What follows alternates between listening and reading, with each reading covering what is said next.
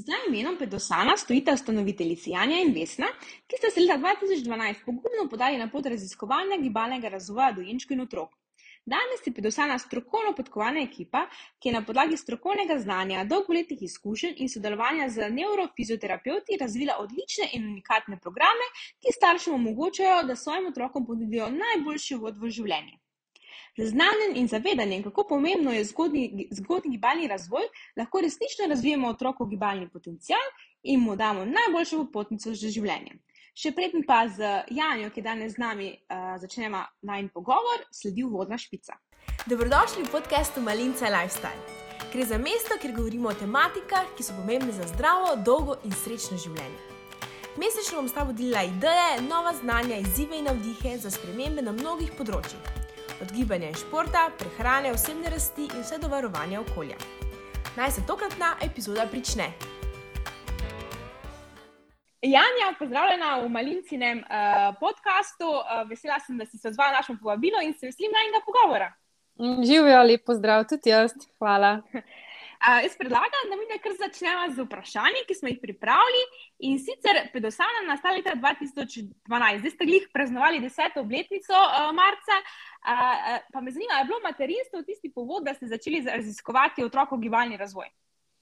Ja, res je. V bistvu prav prvi začetki so se začeli z najnima prvorojenkama, namreč predvsem imam skupaj z poslovno partnerico Vesno. Uh, po naključju je obema prvorojenkama ime Neža in v mhm. bistvu smo obe dve ob njunem razvoju spoznali, kako smo starši pravzaprav prepuščeni sami sebi, uh, res ne dobimo tiste zadostne podpore strani stroke in sama kot zdravstveni delavec mi je bilo res uh, in je seveda še vedno zelo mar za zdravo življenje, zato sem želela nuditi svojemu otroku res optimalen gibalni razvoj in tako sem raziskvala, ne, kako si pomagati. Uh, ob spoznanju, da je v bistvu tega na trgu zelo malo, uh, smo se zvestno skupaj odločili, da ustanoviva podjetje, predvsem kot center gibalnega razvoja dojenčkov in otrok. In ja, od leta 2012 smo uh, že na trgu s to ponudbo. Uh, super. Uh, zdaj pa me zanima, ali so dojenčki so res m, tako krhki, kot mislimo? Ali kako se naučimo nekega pravega rokovanja z dojenčkom. Ko jaz vem, da ko sem ga pač, ko sem bila prvič mamica, ko sem tistega dojenčka primila, mislim, meni se je kazalo, da ga bom zlomila, pa da vse na robe delam. Kaj se lotiti tega?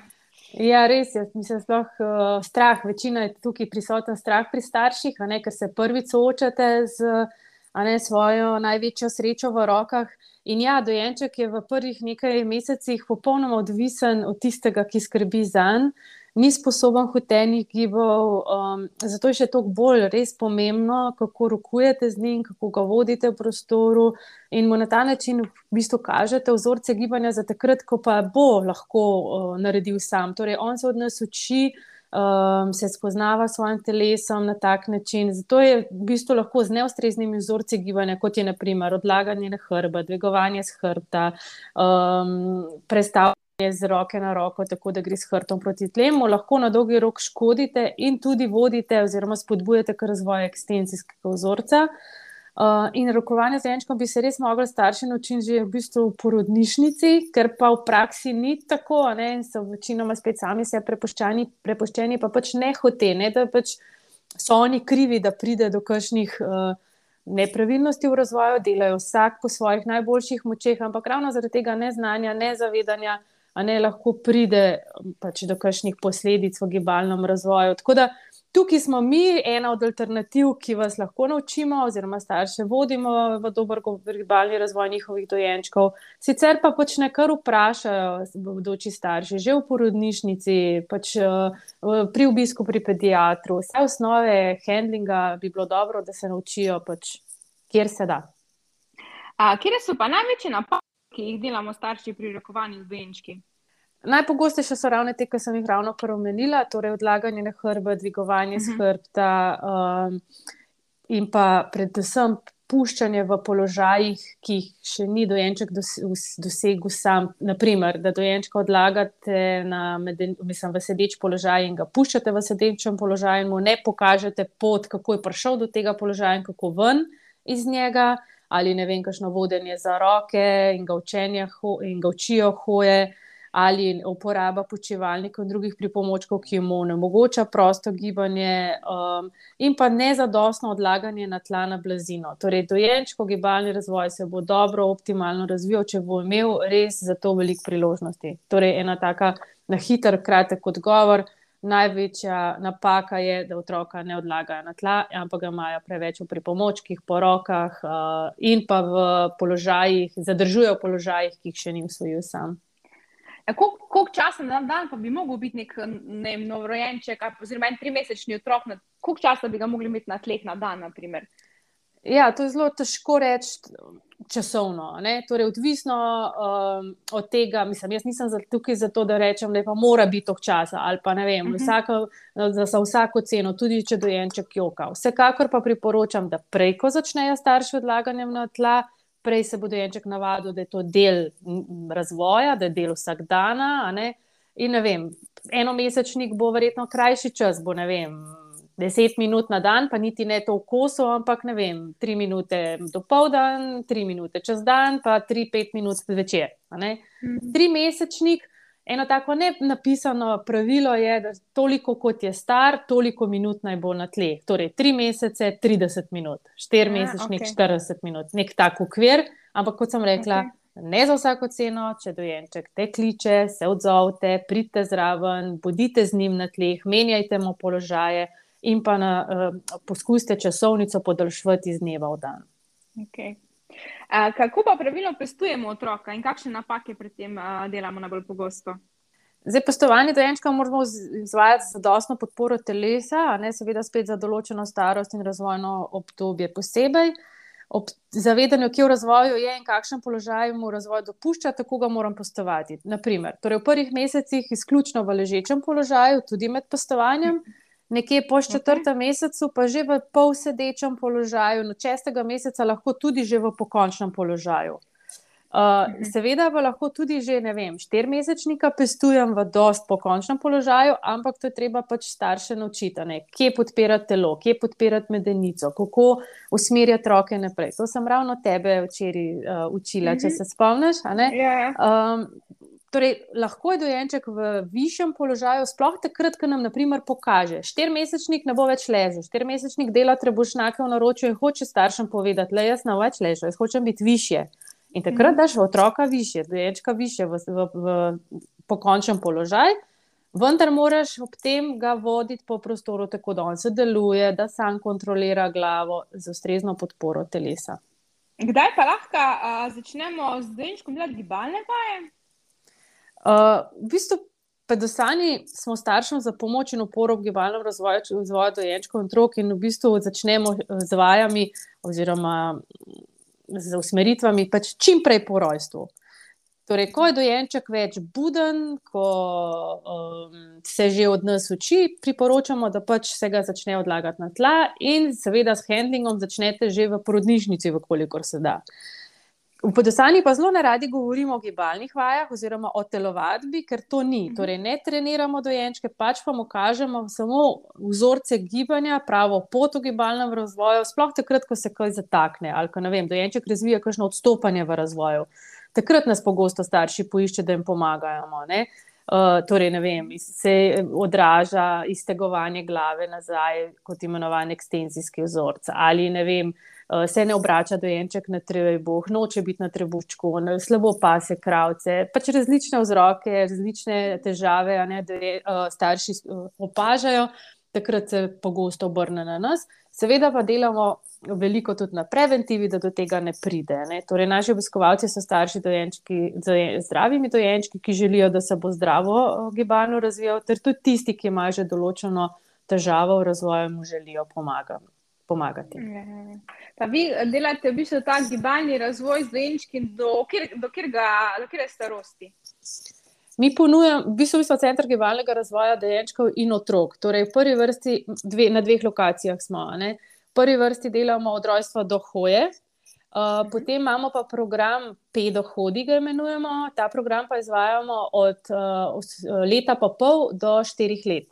Da imate v bistvu od nič do štirih let pokrite stvari. Tako, ampak če, eh, ne, en dojenček bo shodil že pri 12 mesecih, ne, drug bo shodil šele pri 16-17 mm -hmm. mesecih.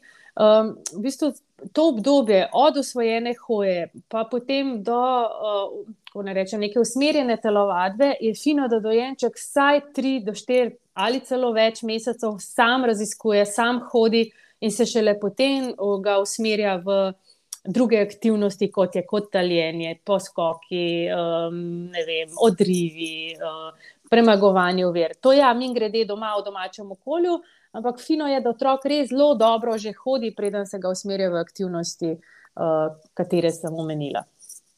Zdaj si rekla, da eden izmed teh nekih menikov razvojnih je pač, da začne otrok hoditi. Kaj so še pa ti drugi glavni uh, razvojni meniki uh, otrok oziroma dojenčkov? Ja, zdaj, gibalni razvoj poteka v dveh smerih, od glave na vzdolj in od sredine na vzven. In vsak dojenček se razvija res v svojem tempu, zato je zelo nehvaležno napovedovati, kaj bi se moralo v določeni stari starosti okay. zgoditi. Pa, pa kljub vsemu, ne, vsi strokovnjaki na tem področju pač ni, pričakujemo nek okvir, oziroma v nekem okviru pričakujemo razvoj. Naprimer, nekje do tretjega meseca se naj bi dojenček, obra, naj bi dojenček obračal glavo v obe smeri, tako, kot, uh, tako v hrbni, kot v trebušni legi. In jo mhm. ob dvigu od podlage, uh, kadar ga nesemo iz boka, tudi nesel sam v prostor. Ampak to je lahko, seveda, tudi malo kasneje. Ampak nekje uh, do tretjega meseca pač bi naj bi to dojenček znal. Med tretjim in četrtim mesecem se pa že začne dojenček obračati na bok in kasneje tudi na trebuh, in uh, pričakujemo, želimo, da to počne v obe smeri. In ko je na trebuhu, pa se kravce na komovcih in na podlah teh. Potem med petim in med šestim mesecem se začne premikati po trebuhu levo in desno, tako da se odriva z uh, rokami uh, levo in desno, temu se reče pivotiranje. Uh, in tudi že nazaj z odprtimi dlanmi. Torej, pomembni so odrivi za iztegnenih rok. Po šestem mesecu se začne postavljati na vse štiri in osvajati stranski oziroma bočni set, lahko tudi razvije plazanje v tem obdobju. Potem pa nekje med sedmim in devetim mesecem kobaca in po dvanajstem mesecu shodi. To so tisti, eh, ta, eh, ta glavni, približno eh, razvojni meniki. Ne? Tako, ampak kot sem rekla prej, ne bolje pomembno, da otrok osvoji sam, kot kdaj. Ja, ja. Um, kaj pa lahko mi pa neke vaje za novo rejenčka, kjer so ne primerne in kaj jih pa mi stopnjujemo? Kdaj vemo, kdaj lahko ne, gremo na neko naslednjo stopnjo? Ja, spet dobro je slediti dojenčkovemu razvoju. Uh, vedeti, kje v določenem obdobju dojenček uh, je in kaj je že sposoben sam narediti, pač takrat ga je treba tako voditi, premike, da ob tem sodeluje. Naprimer, ne vem, novorejenček bo komi še dobro, sploh učke odpiral, mogoče bo res zelo kratek čas na dan zbojen in tisti čas, ko je novorejenček zbojen, pač je fino z njim početi to, da se mu približamo na razdaljo 20-30 cm, da nas dobro vidi, da nas bi ujel z očesnim stikom, da nam bi sledil, da bi mogoče začel počasi glavo obračati. In potem na podlagi vseh teh um, umejnikov, uh, ki sem ga pri prejšnjem odgovoru naštela, torej, ko se začne dojenček obračati na bok in na trebuh, ne, če vidimo, da se več obrača v eno stran kot v drugo, ga mi več vodimo v tisto slabšo stran. Če pri pasanju kravic ne vem, se ne odriva z rokami nazaj, ampak preveč izteguje glavo, mu pokažemo, da je tukaj imaš roke, lahko si z rokami pomagaš. In tako naprej, v bistvu sledimo njegovemu tempu, njegovemu razvoju in mu ponudimo pomoč tam, kjer nas potrebuje. Ali pa mu pokažemo, da tako se do naslednje razvojne stopnje pride, tako naredi. Torej, ne treniramo, ampak samo uh, učimo, suportiramo preko vaj, preko usmeritev, da v bistvu doseže res potem razvojno stopnjo sam.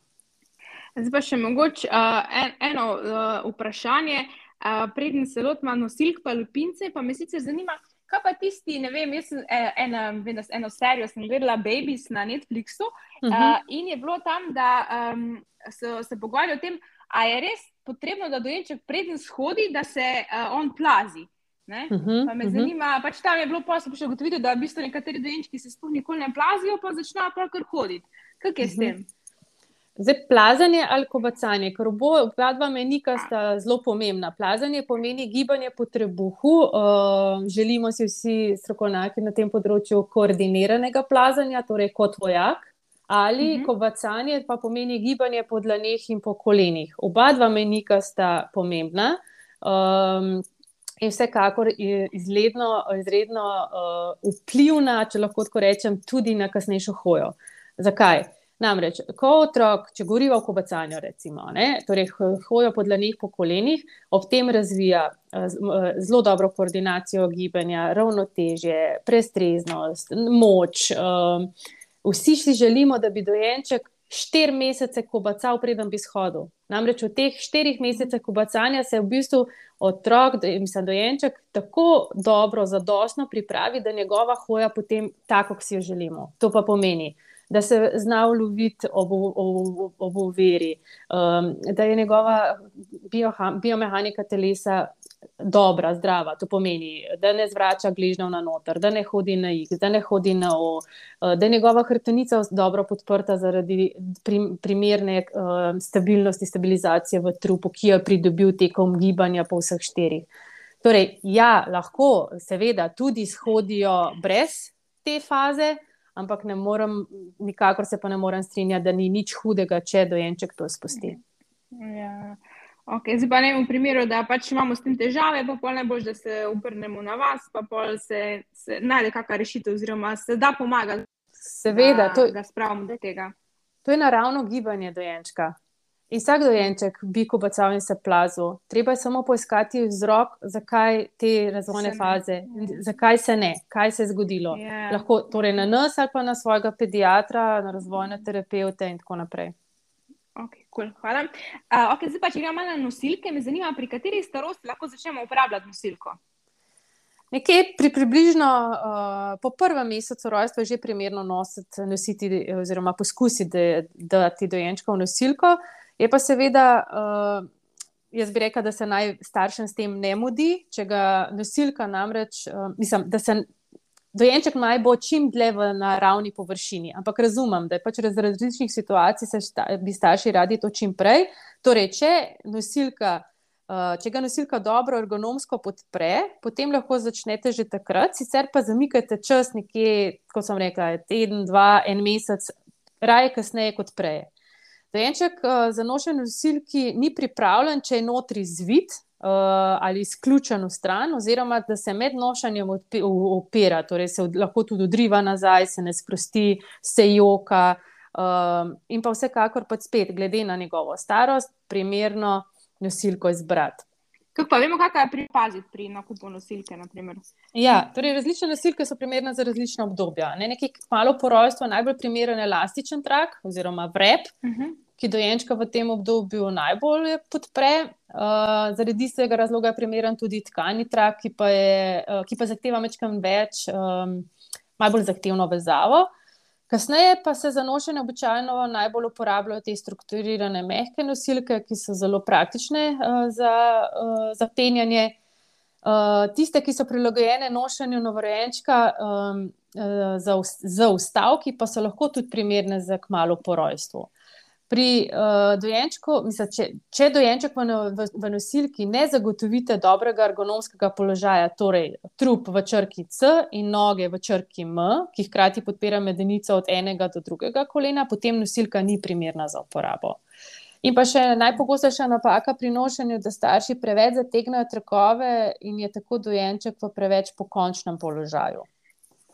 Okay. Kaj pa to, ko je uh, da naj bi bil dojenček skozi obrnjen proti tebi, ali je ok, tudi če je naprej obrnjen? Ne, uh, izključno obrnjen proti tebi. Namreč, če je obrnjen stran od tebe, uh, mu ne zagotovimo teh um, želenih položajev, torej zategnanje lahko preveč v ramenskem obroču, ker trakovi potekajo preko ramenskega obroča na, na tvojo ramo.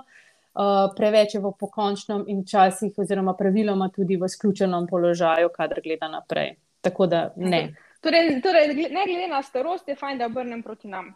Vedno proti vam, ko je čas za sedenje, ga lahko date, predstavite raje v nahrbnik oziroma drug pripomoček, ko bo lahko Aha, gledal okay. naprej.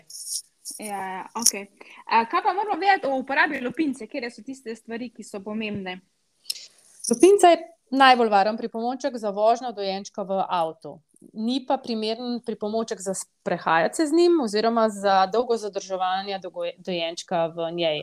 Namreč uh, dojenček mora biti v lupinci ustrezno podprt preko telesa in medenice, zato z dodatnimi svitki zapolnite prostor med lupinco in dojenčkom, kolikor sama lupinca nima teh uh, ustreznih ustavkov. In pa ne glede na to, ali je dobro podprt dojenček ali ne, je priporočljivo, da se ga vzame iz nje po največ uri pa pol vožnje in se ga odloži na ravno površino za minimalno 15 minut, da se res dobro prediha.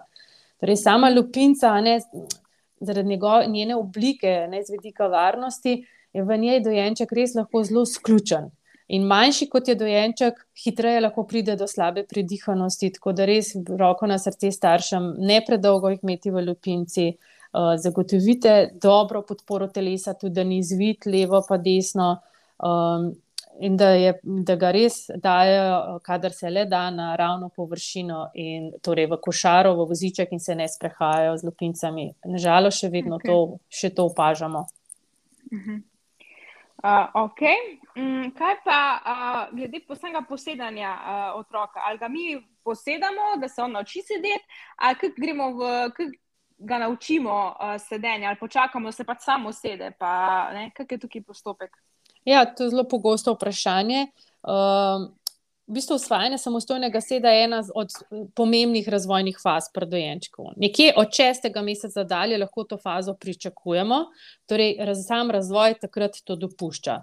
Je pa tako kot za vse faze, tudi zato zelo dobro, da, da, uh, da se dojenček usede sam, da se samostojno usede. Seveda mu lahko pa predtem pokažemo, kako se sedi.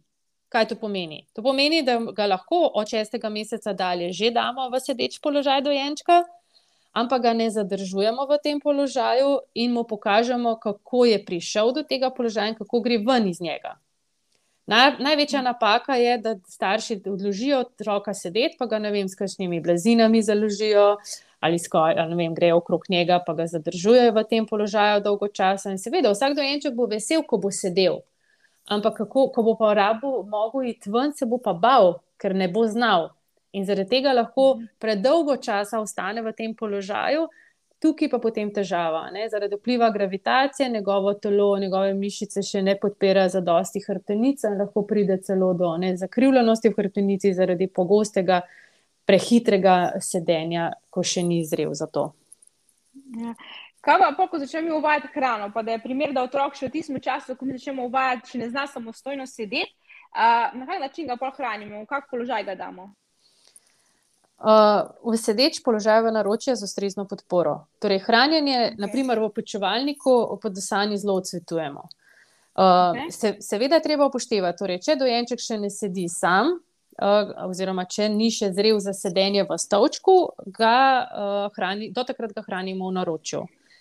Ni potrebno pa tudi ne čakati, da se bo otrok usedel sam, preden ga damo v stolček za hranjenje. Torej, v stolček za hranjenje gre lahko dojenček že v trenutka, od faze razvoja, ko je v trebušni legi in se odrine nazaj z iztegnjenimi rokami in postavlja na, oziroma vleče noge pod sabo. Torej, ko se začne postavljati na vse štiri. Takrat je v bistvu njegovo telo že zrelo za, za sedenje v stolčku za hranjenje, seveda mora pa imeti pred sabo oporo za roke, torej mizico in pa naslon uh, za noge, torej dobro je, da se ga hrani v trip-trap stolčku. Do takrat se ga pa hrani v, v naročju, z, na, tako da uh, ga z eno roko drži, podpirate preko telesa, sedi na vašem sto, uh, stegnu, noge ima na vašem stolu in spet z možnostjo sodelovanja na način, da se z rokam, uh, saj z eno roko nasloni na vašo mizo uh, in na ta način v bistvu se učita sedeti med hranjenjem. Cool. Um, kakšne igre pa so primere, da čim bolj razvijamo otroku gibalni potencial? Uh, igra oziroma kvalitetno vrežilna časa z vašim dojenčkom ne poteka na tleh, na blizini. Um, torej, gibalni potencial bo dojenček razvil na tleh, če bo imel za to priložnost in možnost. Um, izbira igrač pa ne bo spet, seveda, primerna dojenčkovi starosti. Če so se torej prav razumele, uh, najprej, najboljša, najljubša igra boste vi, starši dojenčkov. Ne, ne, um, ne toliko igrače kot vi, sploh od začetka. Um, seveda, vse, kar sem do zdaj razlagala, pa naj poteka preko igre. Torej, tudi ne vem, ko, ko se učita, kako se obrniti na trebuh. Se igrajte z njim, da bo šel za igračko na tisti bok, ki bi ga radi obrnili, da ga boste učili odpirati dlani, da mu boste ponujali velike predmete v roke, da bo lažje odpiral dlani. Um, ko bo, ne vem, uh, ko bo cal šibal po prostoru, boste vi njegova uvera, da, vas, da bo premagoval to uvero, plezal preko vašega telesa. In na ta način kvalitetno preživljate. Um, jaz vedno rečem, eno tako zdravo, kmečko, pamet starši in bo najbolj zdravo, najbolj prav za njegov razvoj. Cool. Um, zdaj pa, če se še malo dotaknemo hoje. Uh, me zanima, kako na otroka, kako mu pomagamo, da se nauči hoditi. Ali ga držimo za roke, mu pustimo, da sam shodi, kako je z uporabo hojic. Ok, uporabo pripomočkov kot je hojica zelo svetujem. Zakaj? Dojenček mora sam razviti spet samostojno hojo, brez pomagal.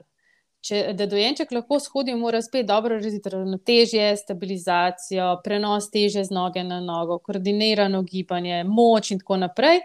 Z vodenjem za roke ali pa z uporabo bomo pa s tem oduzamemo prepotrebne izkušnje za vse našteto. Uh, in pa predvsem uh, lahko razvije napačen vzorc hoje. Torej, lahko se zaradi uporabe hojcev uh, um, razvija tudi hoja po prstih. Torej, počakajte, da dojenček vse pri tem dobro razvije uh, in na ta način bo njegova hoja varna, brez odstopanj, samozavestno bo zakorakal po dveh nogah, opacu se bo ulovil na roke, spretno se bo uh, izogibal vsem uh, posledicam pacov in tako naprej. Tako da res ne prehitevati, ne ga učiti, ne mu biti bergla, uh, se dotkrat tako izrazimo pa desani. Um, seveda pa pač, kot sem rekla, ne biti obremenjeni, da se more to zgoditi pa ne vem, v določeni časovnici, nič narobe, če so jih mesec, dva kasneje, ampak bo zaradi tega kvalitetnejša in boljša hoja za celo življenje. Kaj pa, na primer, ko on se začne postavljati na noge, ja. a mu lahko damo karkoli, da se on opre na tisto, vem, ali da se nasedežno opre, ali na kak način te stvari pa najbolj speljati. Dojenček, kar dojenček počne, sam je moj dovoljeno vse. Brez skrbi, pa verjemite okay. mi, da bo dojenček sam najdel način uh, za gor. Najdejo res vse, okay. od uh, vem, koša za perilo do sedežne, do mize. Uh, dokler se ne znajo dobro udriniti z nogom, se tudi vlečejo z rokami na vzgor. To, to ni nič takega. To je res proces raziskovanja, ki ga mora dati vsak dojenček skozi. In doskrat me starši vprašajo, kaj je narobe, če to počne kar dojenček počne sam, kar naredi samo, je dovoljeno. Ne silimo ga pa v neke take položaje, pa ok, razumem. Um, zdaj, že pa zadnje vprašanje za konec. In sicer me zanima, kaj lahko svetuješ pri bodočim staršem, ki, bodo, uh, ki še nimajo otrok, kako se um, neko loti pa pripraviti na rokovanje z dojenčkom. Prnas, opedosani. Kratko in drnato. torej, na kakšen način? Mislim, da je kar veliko iz tega že na voljo tudi uh, na spletu. Ogromno uh, video vsebin, brezplačnih, uh, torej na ta način si lahko pomaga, da se vsaj poznajo, da si veliko preberejo. Zakaj je to pomembno? Ker v prvi vrsti bi želela, da starši res se zavedajo, zakaj je to za njihovega otroka dobro šele potem se tega lotijo, oziroma mm, ja, se obrnejo na nas po pomoč. Namreč mi ne želimo, da se vem, starši učijo prijemov na pamet, če ne razumejo, zakaj je to za njegovega otroka ali pa dojenčka dobro. Uh, lahko si pomaga torej z video osebinami, lahko si z osebnim uh, stikom na individualnih obravnavah ali skupinskih urah v našem centru. Uh, je pa res, da pač nismo na voljo vsem staršem, ker smo le, uh, locirani v Ljubljani. Smo pa za, na ta namen razvili pač online osebine, kar pomeni, da prek video posnetkov lahko starši spet spremljajo, sledijo, kaj v določenem uh, obdobju z dojenčkom početi. Torej, od doma nam lahko sledijo, kadar imajo čas kadar dojenček spi, um, skratka, nam sledijo. Lahko tudi že nosečnica se obrne na nas, ker imamo nosečki izziv trikrat letno. Lahko ponudimo tudi video klic staršem. Skratka, res na različne načine se želimo s tem staršem približati, da bi pač izbrali za njih najboljšo, najboljšo varianto, da bi se res maksimalno dobro pripravili na prihod novega družinskega člana. Cool. Uh, Janja, hvala za vse tvoje odgovore. To je bilo zelo poučno. Da jaz uh, želim, da še dobro delate naprej, pa bomo z veseljem uh, spremljali vaše programe. Najlepša hvala za priložnost, vse dobro in tudi vam veliko uspeha še naprej. Ciao. Ciao.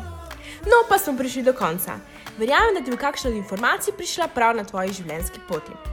Če imaš kakršno koli vprašanje ali predlog, mi lahko vedno pošlješ na moj e-mail nastjaafnamalinca.si ali pa na zasebno sporočilo na Instagram malinca nastja. Ne pozabi stisniti subscribe, da ne zamudiš naslednjih epizod. Zelo vesela pa bom tudi tvoje ocene in mnenja pod to podcast platformo.